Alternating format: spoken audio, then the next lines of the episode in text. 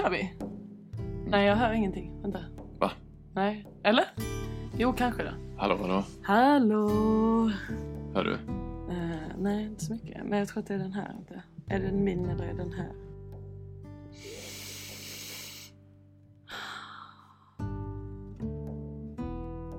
Elin, vad är det bästa med att vara pigg? Åh men gud! jag har ju terroriserat alla andra med den här frågan så Mm. många gånger. Eh, jag hade inte förväntat mig att du skulle få den själv. Ehm, Slänger den på dig nu. det bästa med vara jag. Jag tror att det är att jag eh, har utbildat mig inom flera olika skolor. Och Mm. att jag har en eh, förmåga att se saker och ting från flera olika håll. Och det gör mig väldigt trygg och det gör mig väldigt rik inombords. Eh, och jag har väldigt... Jag är inte så låst i mitt sinne utan kan, kan vrida och vända på saker och ting och är ganska flexibel. Och kan, det gör att jag kan röra mig i många olika sammanhang och ändå känna mig hemma. Att jag har någon form av grundtrygghet i mig själv. Det tror jag är det bästa med att vara jag. Mm. och att jag har roligt. Och hur blev du den personen? Hur blev du du? Hur kommer det sig att du är intresserad av så många olika aspekter? Ja, det vet jag inte faktiskt. Men jag... Um, hmm. Åh, vilken svår fråga. Shit, och jag ger den här till mina gäster utan att de ens får lov att förbereda sig. Nu, nu är det nästan så här, ja, men nu får du, nu får du känna på den själv. Så Ja. du vet hur svår den är. Ja, och Det är bara stora- taget ur luften Stora liksom. frågor. Men jag brukar också vara så här eh, öppen med att säga att det finns inget rätt eller fel. Om man får lov att ångra sig imorgon bara för att man säger någonting här nu som Mm. svar på frågan så behöver inte det vara den ultimata sanningen liksom. Ehm, hur blev jag jag? Alltså hur fick jag de här perspektiven? Mm. Ja, ja, faktiskt. Jag tror att jag är väldigt nyfiken och har Mm. alltid varit. Mm. Och att jag vill inte tro att eh, liksom, svaret ligger i den enkla lösningen.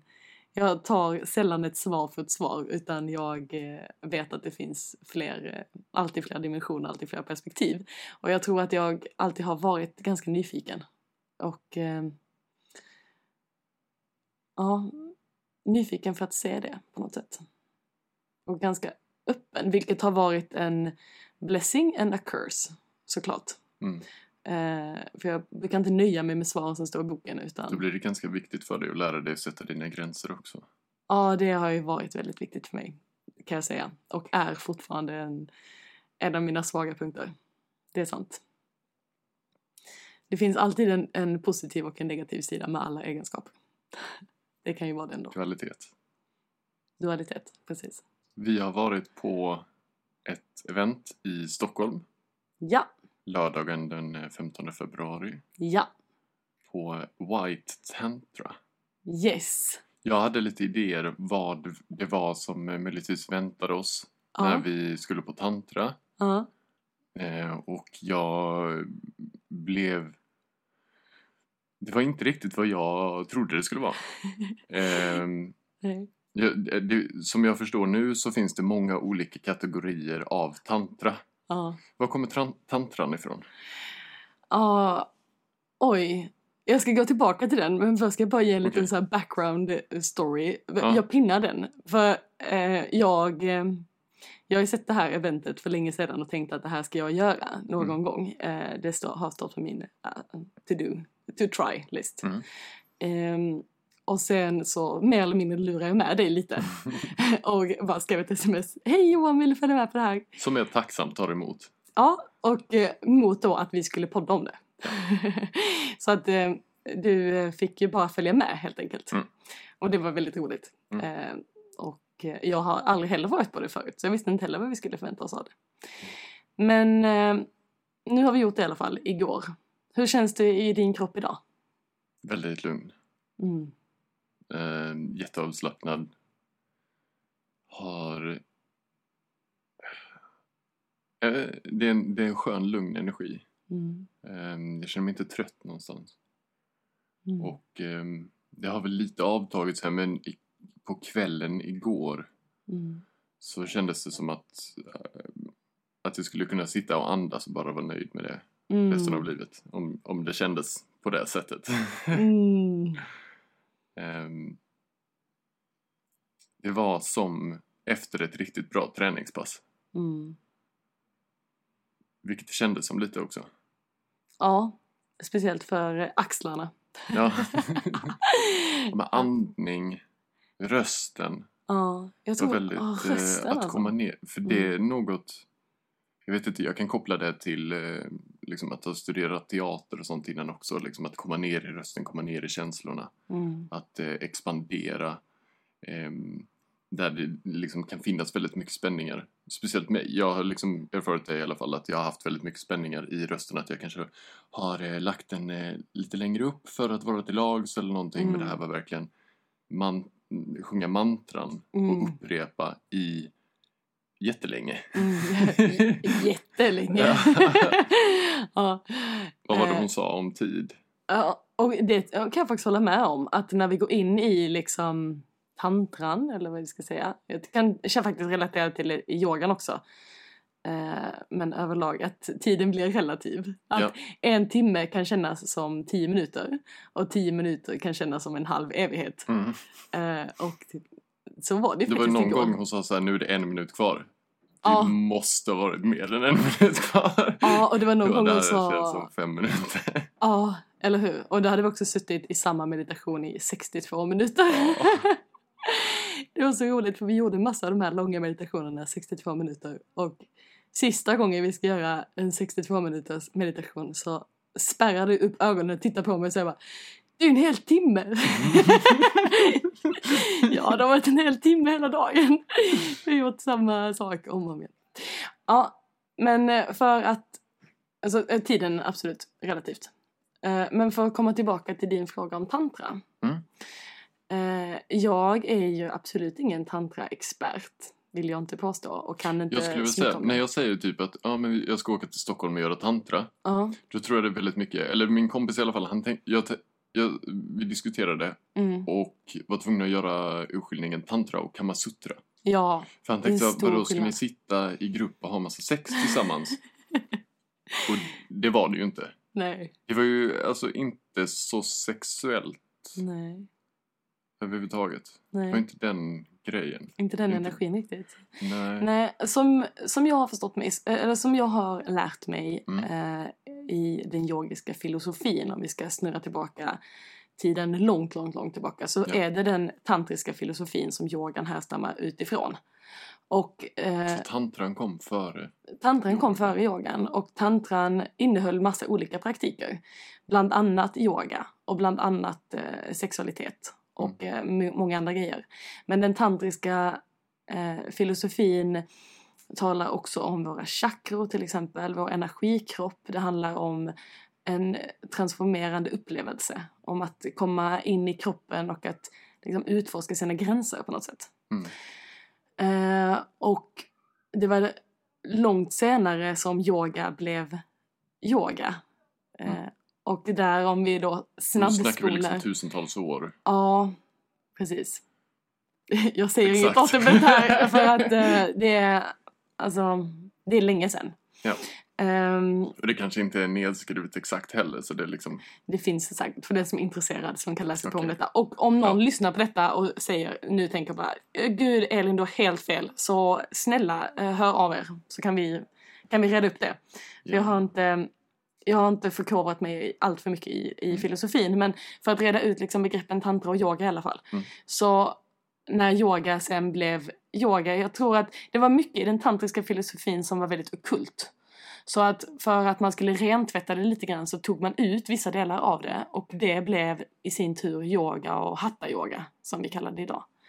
Och hatta-yoga är... Och hatta-yoga var mer förkroppsligade, förkroppsligade tekniker eh, med, alltså mer som gymnastik för att ta hand om eh, kropp och själ. Är det en mer, viktig eh, del av hatta med andningen till rörelser? Absolut, men det är det i all yoga egentligen. Så att, eh, nej men då blev det hatta-yoga i alla fall, eller yoga som sen i sin tur blev hatta-yoga och kundalini-yoga.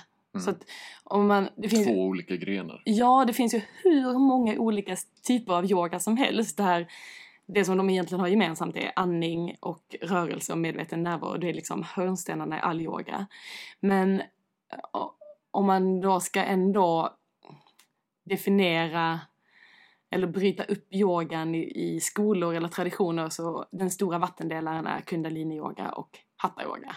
Där är hatta-yoga, jag brukar säga de som har bilden av att yoga är någonting vi gör på ett gym i ett par färgglada tights med en fancy vattenflaska på en rosa yogamatta, vi gör stående hund och eh, andra krigarpositioner och så här fitness. Jag, jag förstå, som jag har förstått det så måste alla de här matcha i färger också. Nej, det Man måste är, nej, okej, okej. Det är inte en del av yogatraditionen. Nej, det är inte en del av yogatraditionen. Eh, Man måste inte vara smal och snygg och vig heller. Eh, Men de som har den bilden av yoga är ofta baserade på hatta-yogan. Och eh, kundalini-yoga, de som har bilden av att yoga är någonting vi gör i vita kläder och haremsbyxor och vi har dreadlocks och stora örhängen. Alltså, Fint turban. och fin turban. Det är ju två, alltså det är ju två extrema generaliseringar men Mm. det är, eh, bygger på kundaliniyogan. Och kundaliniyogan är också mer, eh, man pratar mer om energikroppen, man pratar mer om chakror, man pratar mer om liksom det lite mer esoteriska än vad man gör i hatta-yogan där man pratar mer om muskler, ben, fascia, eh, diafragmaandning eh, och så. Så det, det är två olika skolor skulle jag säga. Och två olika, alltså går på två olika dimensioner av vårt väsen, kan man säga så? Eh, jag vet inte riktigt vad du menar när du säger det. Men, Ja, men att, att eh, hatta-yogan eh, är mer en direkt påverkan på vår fysiska kropp. Och eh, kundalini-yogan, enligt min uppfattning, går mer på liksom, de mer subtila delarna av vår kropp. Mm. Och som jag förstår det, inte något du testar och kanske får en stark effekt av med en gång. Ja, eller det beror på vem man är, Mm. skulle jag Men säga. inte, och inte komma in med vi... de förväntningarna i alla fall. Nej, alltså därför brukar jag säga till alla som vill testa yoga för första gången att man ska testa flera olika stilar Mm. och flera olika lärare för alla, Mm. alla dras till olika saker. Det är som att skillnaden mellan att spela golf eller gå ut och springa. En del personer kommer tycka att det är härligare att gå på golfbanan i lugn och ro och slå på sina bollar och Mm. en del kommer tycka att det är härligare att gå ut i skogen och bara springa. För vi är så olika och vi har olika behov och vi har olika nära till de här olika delarna av oss själva skulle jag säga. Och vi har olika nyfikenhet och vi är olika öppna för olika saker. När jag började med yoga då tyckte jag att det var så flummigt att vi skulle sjunga mantran och jag tyckte att det var så konstigt när de pratade om eh, energi för jag var inte öppen för det. Men idag, eller igår när vi var på det här eh, stora yogaeventet och det var bara mantrasånger och bara massa prat om energi och subtila saker så kan jag är jag mer öppen för det och kan ta in det och se det på ett annat sätt. Eh, och, jag, och likadant tror jag att det finns många människor som är precis tvärtom som tycker att det är helt ointressant att prata om höftböjare och bakåtböjningar. Men tycker att det är mycket mer nära att, att sjunga till exempel. Ja. Att, och det ena utesluter inte det andra. Och då kommer vi återigen till den stora frågan så här, men vad är då yoga? Ehm, och jag skulle säga att yoga inte handlar så mycket om vad vi gör. Om det är mantrasången eller om det är den stående hunden. Mm. Men det vi uppnår när vi gör det. En sammankoppling. En sammankoppling och en integrering i sig själv och ett, en känsla av helhet. Mm. Och en känsla av att vi är där och då. Och när tiden blir sådär relativ. Ja. När vi liksom hamnar i något form av flow. Och det tror jag alla kan relatera till när man sitter och ritar en teckning eller spelar ett instrument när tiden bara försvinner. Och ta en timme och spela lite tv-spel. Ja, Och så var det den dagen. ja, de som tycker om det. ja. Eller, eller man står och väntar på bussen i två minuter och det är kallt och det känns som en hel evighet. Ja. Eh, mm. Men så tillbaka till tantran. Ja. så eh, tantra eh, i min upplevelse har blivit väldigt populärt de senaste åren och tantra är någonting vi då ofta förknippar med sex och sexualitet. Eh, Medan den, och, och den vita tantran då, det som vi gjorde igår, Det finns alltså olika färger på tantran som markerar liksom vilken typ av, vad är det man fokuserar på? mm, precis. Och Den vita, den vita tantran är inte så mycket sexualitet utan är eh, med kundalini-energi och eh, innocence liksom, eller li- pure life energy. eh, mer. Chi. Eh, ja, det är det ju allt, överallt. Okej, ja. Men eh, chi säger du. Ja, jag, jag sätter Jag den åt sidan och det går in i det. Taoism, eh, Ja, man ska... ja, ja, jag känner att det är inte mitt Vi bord. klipper bort det. det får stå kvar men vi, vi lägger det eh, också till någon annan och fångar upp den tråden. Ja. Men eh, Så den vita tantran är mer... den vita tantran är mer liksom pure. Den är, den är inte så sexualiserad.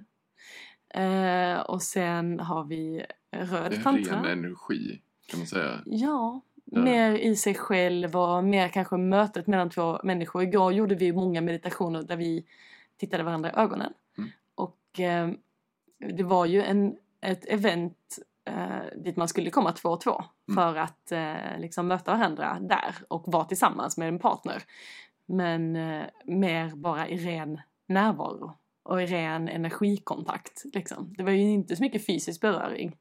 Och det var ju absolut ingen så sexuell beröring. Men jag kände mig ändå väldigt berörd av dig. Väldigt närvarande Väldigt, ja. Och liksom in och ut. Så det visst, jag hade ju tankar som spökade hela tiden. Att det liksom så här bara, "Ah, nu sitter vi här jättelänge eller någonting så här. Men så kommer man in i som, alltså något slags flow som vi snackar om. Mm, Där det man, tappar allting. mm, Och det är så bara, det här är väldigt spännande. mm, Och jag tänker, alltså jag har testat på lite kundalini innan. Men det är verkligen något som är, det är något jag skulle vilja mm, eh, fördjupa mig i. mm, Och jag ser också folk som har jag, blir så imponerad av, alltså dels så här jättemånga vackra människor, alltså så här, alla så här, eller inte alla, men väldigt många glada, öppna, fina Mm. människor. Och sen vissa som bara är så här, de bara lugnt kraftfulla på något sätt. mm, så här kundalini-utövare. mm, Det, typ, det lyser om dem, det är en karisma liksom de får. mm, Ehm, där, ja, det, det är häftigt att se. mm. Och det förstår man ju liksom att det här är folk som alltså sitter då en timme och gör alltså väldigt ehm, det var tungt. Det var tungt. Alltså så här, det är smärta som så här började, Mm. det var någon gång som ehm, det började göra ont i mina axlar för vi höll upp händerna Mm, Ehm, och jag bara kände så här bara, alltså min vänstra axel, jag måste ta ner handen, jag måste ta ner armen. Så bara, nej nu börjar det göra ont i höger axeln. Så bara, ah nu försvann det lite i Mm. vänster. Inte så vanligt där längre. Ja, mycket så men uthållighet och Mm. rent bara pannben att vi ska köra igenom detta. Och jag, jag har inte heller gjort så mycket kundalini-yoga förut men jag är ganska lat och ger upp ganska enkelt. Jag hade inte kunnat sitta där en timme själv. Nej, inte jag heller. Och där fick man ju hjälp av varandra Ja. för att eh, titta in i dina ögon med världens största så här, determination. Bara, nu jävlar! nu kör vi! 30 minuter kvar. av att titta med armarna rakt upp i luften och andas intensivt och säga mantran. Hjälpa varandra. Ja, men det var verkligen så. Vi kände ju liksom trigga, stöttningen. trigga lite så tävlingsinstinkt. Ja.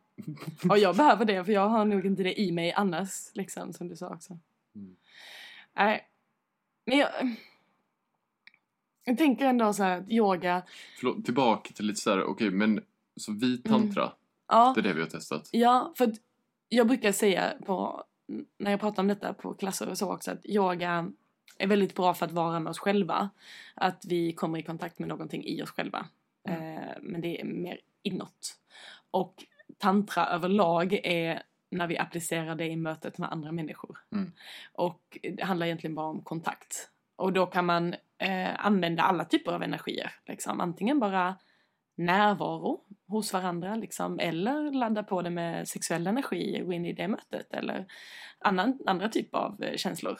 Liksom, Bara ren kärlek, liksom, hjärtöppnande eller ilska eller vad som helst. Liksom, testa gränser, vad, vad som helst. Eller cirkulera någon annan form av polaritet. Mm. Men så att eh, yoga gör vi med oss själva, tantra gör vi med varandra. Och vit tantra är, ja men det är hjärta, liksom. det är kärlek, det är pure innocence and life. Och eh, den röda tantran är, handlar mer om, om den sexuella energin. Eh, och sen så finns det då olika grader däremellan av, de Rosa kallar väl det pink tantra, tantra, och black tantra och allt möjligt. Men det är i alla fall den Och bilden black jag skulle har. vara då liksom, då, går- Eh, Det är lite mer eh, hardcore. right. Så att de, de som då, eh, jag tror många har, är det, eh, som har bilden av att tantra bara har med sex att göra, men det är väldigt, det är fel. Mm. Det finns många fler aspekter av det. Och finns mycket tantriskt arbete som man också kan göra med sig själv. Så det behöver inte vara i mötet med andra. Mm. Och det är där yogan och tantran vävs ihop. Jag har varit på någon, eh, jag var på en tantra-lektion på en, på Ängsbacka. Mm. Eh, och då var det väldigt mycket sitta och andas själv. Mm. Och sen så hade vi lite möte med varandra. Mm. Men väldigt mycket av det handlade om att sitta och andas eh, Mm. Med sig själv. Där man skulle visualisera att man andades in energi. Mm. Typ universums energi. Mm. Vilket är superflummigt. Men eh, jag tyckte om det. Det är liksom så här, det gav mig någonting. Mm. Jag satt där och bara, och det kan ju vara, jag vet inte, eh, jag hög på syre? Eller blir jag hög på, jag vet inte. Det är väldigt spännande i alla fall. Eller bara den extrema avslappningen som händer i Mm. oss och hur det påverkar oss. Det är häftigt. Mm. Mm. Jag kände efter, vi eh, var på teater sen efteråt, Mm. eh, en liten shout-out till att om man är i Stockholm i april, eller tar sig till Stockholm i april, gudarna ja, det var jättefint. på Teaterreflex Ja. var vi på i alla fall. Ehm, och jag skriver in en länk till den. För det, ja, det var jättehäftigt. Ding dong, dagens reklam. Ja. Men eh, ja, det var jättefint. Det var ju Jätte- verkligen från att gå från den ena ja. energin eller settingen till någonting helt annat. Tänkte du på det också? Så vi, vi kom igår morse Från till ljus. yoga, det var så ljust, alla är klädda i vitt. Eh, Alltså harmoniska och... Ja, lugnt och Ja. grundat och kärlek och så här. Och sen så åker vi direkt till den här teatern och kommer dit och alla kommer in i den här teatersalongen och det är mörkt, det är lite så här rökigt, de spelar hård Dantes techno. Inferno. Dantes Inferno det är ångest, det är alla klädda i svart och det så- Folk börjar, teatern börjar med att de skriker. Ja, ah, ah, ja, men, Men hög energi. Hög energi, ja. Det var ju, alltså det kan man väl säga att det var, Mm. båda hade gemensamt. Ja, och då eh, en annan definition på tantra då, Mm. eh, som eh, eh, Eugene Höglund, en jättebra tantralärare på Tantrafestivalen, eh, sa. Han sa att eh, eh, shamanism är att eh, flytta på energi. Nej, Nej. Jo, shamanism. Alltså det handlar om olika typer av energiarbete. Eh, magiker, shamanismen och tantran. Det är liksom hur vi arbetar med energi. Och eh, eh, jag ska dubbelfråga honom om detta och komma med rättelse om jag har fel. Men att eh, shamanismen handlar om att flytta på energi. Liksom, från ett till ett annat och leka med det på det sättet. Och magikerna, de kan transformera energi, att eh, byta skepnad på det. Och i tantran, då observerar vi energi. Eh, så vi bara på vilket ser vad som sätt händer. byter man skepnad på energi? Är det när det går från friktion till elektrisk energi? alltså, kan inte så mycket, men Men det är Men- svårt så här, det är svårt när man säger energi i de här... Ja, ehm, alltså i de här det, låter, liksom. det Alltså, låter ju väldigt abstrakt. Men jag tror att det är. det är abstrakt. Men också väldigt konkret för att jag tror att alla alla vet hur eh, det är att gå in i ett rum och känna negativ energi. Alla, Okej. vet, alla vet hur det är att gå in i ett rum och känna så här, "Uff, här inne är det någonting som inte stämmer. Mm. Eller här inne är, är det någon som är arg. Eller Mm. i en konversation så känner man så här, ah, men gud, det är någonting som inte stämmer här. Liksom, det finns en, en laddning, en nyans i samtalet. Fast vi kanske benämner det med annat än, än eh, energi. Fast det är, det är många som, ja, men jag är hög på energi, jag är låg på energi. Mm. Eh, vi vet ju det. Mm. Och att eh, i den tantriska filosofin då skulle det vara att kunna observera. Bara, ja, jag är låg på energi. Och, Och eh, då kanske har, har ritualer eller Nej. övningar som Ja. gör att man kan observera. observerar. Ja. Inte Medans- att man ökar energin. Eh, nej, för Nej. det skulle vara eh, då i eh, magikerna som kan ändra Som Mm. kan ändra då med hjälp av ritualer eller formler. Jag vet inte hur magiker jobbar men Iceman. ja, precis. Wim Hof. Att, ja, men exakt. Men Att att då kunna styra. gå från dålig energi till eh, bra energi. Mm. Och om och att då eh, i den shamanistiska traditionen så skulle det vara att flytta energi. Liksom, rent, och på något sätt eh, sin liksom ändra, ja dels det. Kanske då att jag har ont i min axel och då flytta det smärtan eller upplevelsen till eh, armbågen istället. Mm. Ja. Så det är olika typer av energiarbete. Och det kan låta så eh, abstrakt. Men när man bryter ner det och här, men vad betyder det egentligen? Så är det inte så abstrakt egentligen. För att jag tror att vi, Jag tycker vi fortfarande det låter lite abstrakt. alla, eh, men jag, jag tror att vi alla gör det dagligen i mer eller mindre utsträckning. Okej. Ja, det är min, ja, min ståndpunkt. Vi gör, det oflum, vi gör det flummiga oflummigt genom att förstå det. Tror jag. Och kan vi applicera det på konkret. vår, precis, kan vi bara liksom applicera det på vår vardag liksom, eller applicera det på oss själva så tror jag att vi tar bort mycket rädslor kring det. Mm. Vad tar du med med dig från gårdagen? Ja, alltså jag har ju varit ganska... Eh, jag har hållit på ganska mycket med idrott och lång distans. Mm. Eh, skidor och löpning och cykling och liknande. Mm. Och just det här med att pusha mig själv. Ehm, och det här var en annan typ av det. Det var liksom in, ingen riktning. Mm. Ehm, men det, det tar jag med mig. Att det, alltså så här, även om du känner att du inte har någon energi kvar så är det din, min kropp som lurar mig lite. Mm. Och så, så bara kommer det en rush Mm. av mer energi. Och bara, vad är jag klarar ju det här. Mm. Jag klarar ju det här. Och så dippar det. Mm. Och så bara, nej, nej, jag kommer få ge upp. Och så kommer det tillbaka. Mm. Och, eh, och det kom från någon slags avslappning. Och det vill jag ändå ta med mig in i livet när det liksom, om det är en tung dag. Så här nu, alltså så här, saker känns negativt. Det är liksom så här, vakna på morgonen så bara, ah, nej, äh, äh. Men att låta det vara. Och inte försöka manipulera det då. Mm. Men att låta det vara, andas i det. Göra saker. Och låta den energin komma tillbaka. Mm. Ehm, det tar jag med mig. Och även så här bara, wow, vilket community Mm. det finns av jättespännande människor Mm. som, ehm, som sysslar med något ja, excentriskt Mm. och är väldigt duktiga på det. Mm. Vad tar du med dig från gårdagen? Ja, det starkaste för mig är communityt.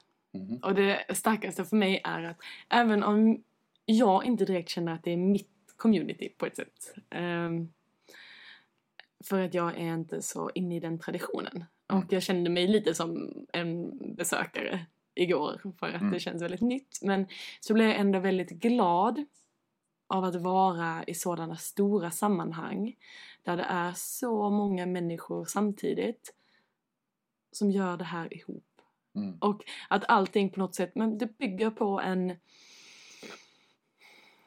en ärlighet och en tillit och liksom ljusets väg. Det kan låta så flummigt men det är kärlek liksom. Mm. Det är för att eh, vi vill någonting mer. Eller vi vill, vi vill komma till någonting bra i oss själva och vi vill sprida någonting bra ut till resten av världen. Liksom. Mm. Vi, och vi, att träffas i stora sammanhang och göra det arbetet tillsammans på något sätt. Det blir så mycket kraftfullare att göra det ihop. Jag, jag vet skillnaden om jag sitter i mitt vardagsrum och mediterar eller om jag går till en, en stor samling med andra människor som mediterar så blir det alltid mer kraftfullt i mig när jag är med andra. Mm. Det är som att om jag tänder ett ljus så är det ett ljus som brinner. Men om vi sätter ihop tio ljus så har vi den gemensamma liksom, kraften av tio ljus. Och det blir alltid kraftfullare att vara i en sån kontext. Och igår, jag vet inte hur många det var, 400? 400 tror jag. Eh, och bara det. Alltså det, det, jag får en sån boost av det, att veta att det finns när ja, man sätter på radio och, eller nyheterna och vi bombarderas med all negativitet som finns i världen. Mm. Eh, och jag blir lätt bitter och jag blir lätt cynisk och jag blir lätt så här rädd och negativ och tänker att ah, det, det går åt helvete. Men att få påminna mig om det här, att det här också finns, att det här också existerar och att få lov att bara dyka in i det och sätta mig där och vara en del av det och känna hur jag blir påverkad av att vara i den kontexten. Eh, då får jag en väldigt så positiv knuff. Yes. Eh, Och sen att kunna ta det ut därifrån. ja. Och som så att vi gick på en sån, vi gick på en teater, vi gick på en tung teater. Mm, Som man hade kunnat sugas in i och tänka, åh, livet känns så meningslöst. mm, Det känns så tungt. Jag var inte där, alltså jag var så här, jag, bara, Mm. jag ser det här, jag känner igen det här. Låt oss göra något Mm. bättre liksom. Mm. Att det finns en riktning att jag, jag vill fortsätta åt det här hållet. Liksom. Mm. No matter what. Jag ska vidare. Det är det här jag vill eh, så här, värna om inuti mig Mm. själv på något Mm. sätt. Och jag kände mig så stark när vi satt på teatern också. Precis som du sa. Att bara, jag ser det, jag Mm. observerar det. Men jag går inte in i det. Det är inte min väg. Mm. Ehm, jag accepterar att det finns. Men jag väljer att kultivera det här. Och vi satt där i våra vita kläder. Fortfarande, jag tror vi stack ut på eh, teatern. Och, men jag tror inte bara det var de vita kläderna utan det kändes verkligen som att det, så här, det osar om mig. så här, eh, lugnhet och trygghet. Och Ja. Det där stora leendet som jag ofta ser på kundalini-yoga-personer eller på personer som har en stark sån här eh, kalla det praktik eller övertygelse inom sig. Att eh, jag inspireras av det. Mm. Och desto mer sådana sammanhang jag kan få lov att dyka ner i, desto starkare känner jag att det blir i mig också. Mm. Eh, desto mer övertygad blir jag. Liksom, på en cellulär nivå, man kan säga så. Det lät flummigt. flummigt. Men så här, det känns som att det gör ett starkt avtryck i mig. Ja. Eh, Hade det varit svårt att få det här eh, evidensbaserat? oj.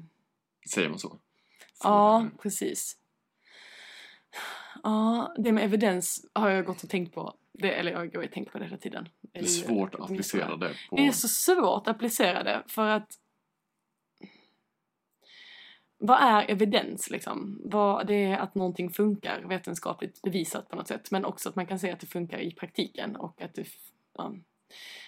Ehm, men hur, om man då skulle säga hur skulle man kunna forska på detta? Vi skulle kunna göra en enkätstudie och säga ja, hur mår ni innan ni går hit och hur mår ni efter? Och hur mår... Det var en, en person där som hade gjort det här 110 gånger. Liksom bara, 120? 120, vad har det haft för effekt på honom?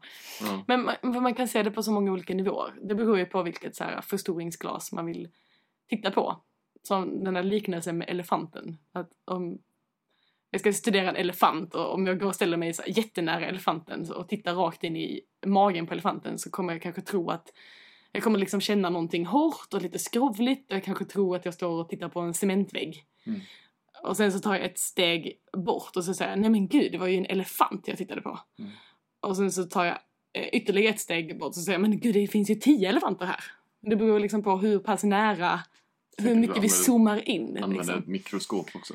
Eh, precis, och då hade vi ju sett det på en helt annan nivå. Liksom. Eller så går vi ännu längre bort så ser vi men det är hela Afrika vi tittar på. Alltså det är så, det är så svårt. Och med ett, ett läkemedel till exempel är hyfsat enkelt. Att det finns inte så många komponenter. Eller det finns det ju, men, men vi kan mäta läkemedel mot placebo till exempel. Mm.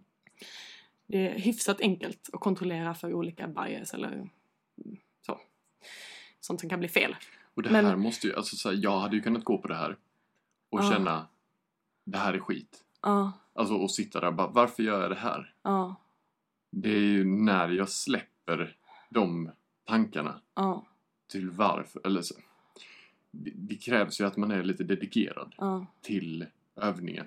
Mm, Jag tror det hade varit svårt att ehm, ordinera mm. det här till någon som inte är intresserad. Nej, som inte vill liksom. För att, ja, för ett läkemedel, vi kan ta det eller vi kan inte ta det. Liksom. Men du måste ändå vilja ta det för att det ska kunna ha någon effekt. För vill du inte ta det så har det kanske ändå inte den effekten som man vill att det ska. ha. Men om vi då föreställer oss läkemedel jämfört med fysisk aktivitet så är fysisk aktivitet så mycket mer komplext för det är så mycket fler komponenter i det. Liksom, var det den fysiska aktiviteten som var bra? Var det rörelserna de gjorde? Var det att de var utomhus? Var det att de spenderade två timmar i veckan på att göra någonting annat än så här, um, sitta och läsa en bok eller vara stillasittande? Alltså, vad, vad var det som var viktigt?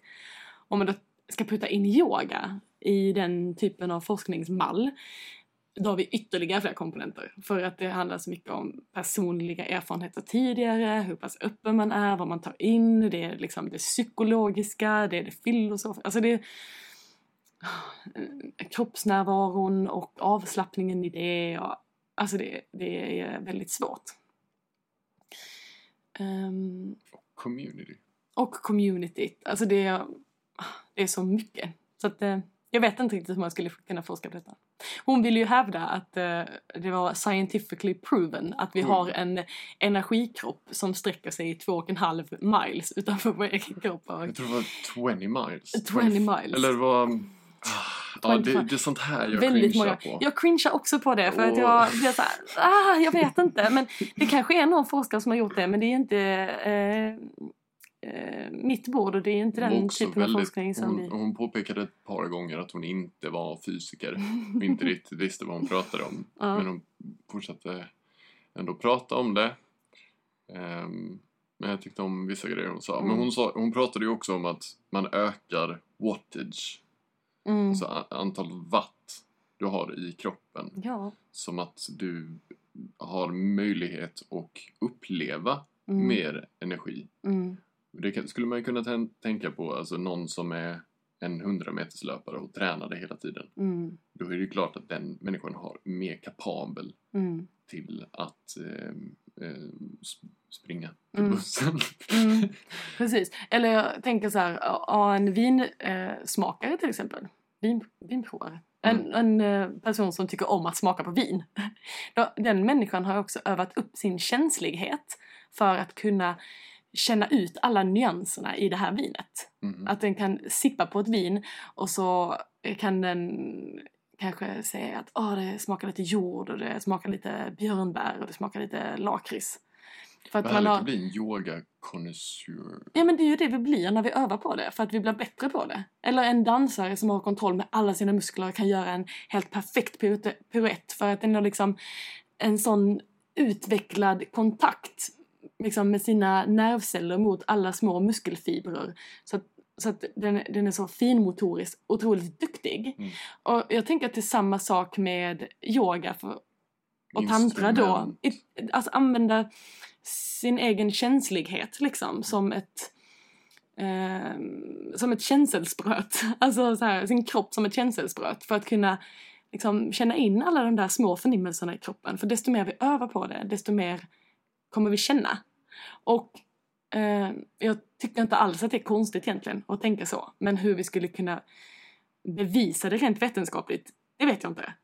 Eller, eller så är det inte så konstigt för att vi hade kunnat mäta det på något sätt med hjälp av någon form av elektricitet. Och på sätt och vis är det ju det vi gör när vi puttar in personer i en MR-kamera till exempel och vi ser vilka områden i hjärnan som blir aktiverade när vi gör olika saker. Och, mm att man kan säga att vissa områden till exempel ökar i storlek när vi eh, mediterar till exempel och andra områden ökar när vi hos en distanslöpare då kanske eller hos en 100 meterslöpare. Att vi, vi övar liksom upp det vi tränar på på något sätt. Mm. Och ja, så olika intressen helt enkelt. Så det är en bra grej att testa många olika saker. Ja. Känna av vad som är ens egen. Ja, Däremot skulle jag inte rekommendera det här till en nybörjare. Att gå på den här nu? Ja, nej, utan... Eh, jag, jag tror som en nybörjare var... vill man väl ha mer av en intim setting, alltså med en lärare som instruerar dig ja. hur du ska göra det. För det var väldigt lite information vi fick ja. på hur det skulle utföras. Ja. Och vad du skulle tänka på. Ja. Det var liksom, eh, det var som en dag för folk som är inne i det ja. liksom, på något sätt. Så här kan ni komma, här är en samlingsplats där många ja. får plats. Det här är anordnat för att ni ska kunna vara så här många människor som mm. gör det tillsammans och känna av den mm. grejen. Men för den som har, äh, håller på med kundalini-yoga och tycker att det är häftigt så I recommend att mm. testa detta. Det är ju som att gå på kundalini-yoga-fest. Mm. Yogaparty. ja, wow. Jag tror vi har sammanfattat. Jag tror det också. Och så kul! Och jag kommer leva på det här länge. Och eh, det var kul att ha dig med. Eh, Tack för det här. Kul att ha dig med på den där sidan Tack av, eh, av podden. Johan, för er som inte har, liksom, du har varit med på den förut också. Men oftast är det ju du som sitter på andra sidan podden. Och klipper allting. Mm. Och ser till att det här blir av överhuvudtaget. Så eloge till honom. Yay! Vet du vad vi kan göra? En Nej. liten shout-out. ja, Om man då vill eh, testa lite olika, eh, olika typer av yoga, olika Mm. typer av träning. Vad hade du testat på Yogobi? Ja, det finns ju eh, en mängd olika eh, klasser och videos där. Eh, om man är intresserad av just det här, då skulle jag klicka in på eh, kundalini-yoga. Eh, och så skulle jag se vad som fanns. Och så skulle jag testa ett par olika videos. Mm. Men eh, just eh, kundalini-yoga och kanske eh, en övning som heter satkriya. Jag Okej. lovar att den finns någonstans på Yogobi om man Ja. söker. Säkert i lite olika tappningar Vad var det du hade testat som du tyckte om? Dansat? Ja, alltså just nu är jag helt hooked på Soma Move. Okej. Men det är ju helt annat än kundalini-yoga. Men om man vill röra på sig, Soma Move är en liksom fantastisk kombination av yoga, dans, kampsport.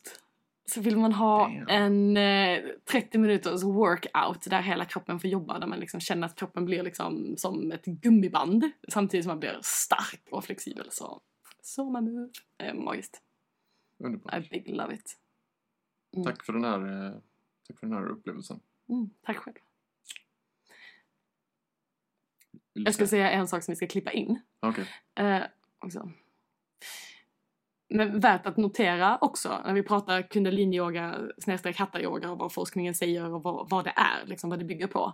Så är det ju att den medicinska yogan som vi använder i sjukvården Mm. bygger på kundalini-yoga. Mm. Och eh, kommer liksom, det är en anpassad form av kundalini-yoga kan man säga. Så det är väldigt långt ifrån eh, de här eh, stående hundarna och den mer fysiska aspekten av yoga egentligen. Så att, eh, Ehm, och det har ju olika effekter på oss.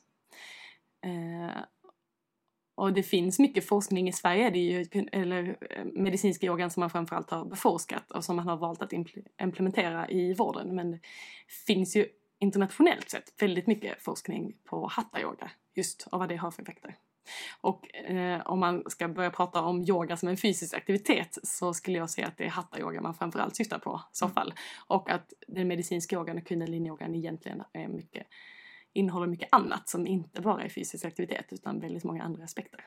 Och jag tycker det är viktigt och jag ser att vi i sjukvården skulle tjäna på att också plocka in hatta-yogan. Eh, men det kanske vi gör i framtiden när vi har mer forskning. Spännande.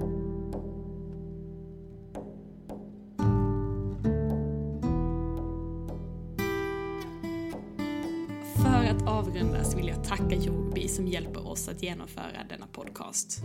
Men också för att det hjälper mig och över hundratusen andra att yoga, meditera och träna online på sina egna villkor och alltid med bas i ens egna förutsättningar. Yogobi.com tillgängliggör kvalitet genom att samla ledande yogalärare och experter inom hälsa och träning på en och samma plats. Online. Ett fantastiskt verktyg för en hållbar hälsa. Värt att nämna är också att Yogobi ger gratis medlemskap till alla studenter via mecenat samt att läkare kan förskriva FAR till tjänsten. Mer om det på farledare.se. Vill du komma igång med Yogobi gratis? Om du fyller i kampanjkoden YOGADoktorn när du blir medlem på Yogobi så får du dina 30 första dagar helt gratis och utan bindningstid.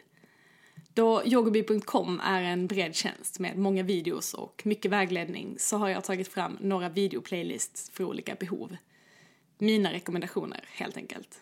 Dessa hittar du på min hemsida www.yogadoktorn.se Jag tänkte också passa på att säga till alla som är i Stockholm den sista helgen i april att den 25 april så håller jag Ecstatic Dance tillsammans med Nadine Edestrand på Ecstatic Dance Journey Women Only i Stockholm. Missa inte det. Och på söndagen den 26 kommer jag att hålla en workshop med temat yoga och medicin och forskning och vetenskap och allt med vad spiritualitet har med hälsa att göra. Så missa inte det. All info finns snart på hemsidan, på Facebook och på Instagram. Eller skriv till mig i ett personligt meddelande så får du all information om kommande workshops och retreats och kurser. Och bor du i Malmö eller runt omkring så håll ännu mer utkik på hemsidan för snart kommer jag nämligen lägga ut information om mina kommande kurser och workshops också i Skåne. Så missa inte det. Jag är så pepp på att börja upp en ny termin i en ny stad och ser fram emot att träffa massa nya yogisar på mattan. Mer info på hemsidan alldeles snart, så håll dig uppdaterad om du vill vara med och yoga IRL. Annars finns såklart hela videobiblioteket med massor av lärare, inspiration, föreläsningar och videos på yogobi.com.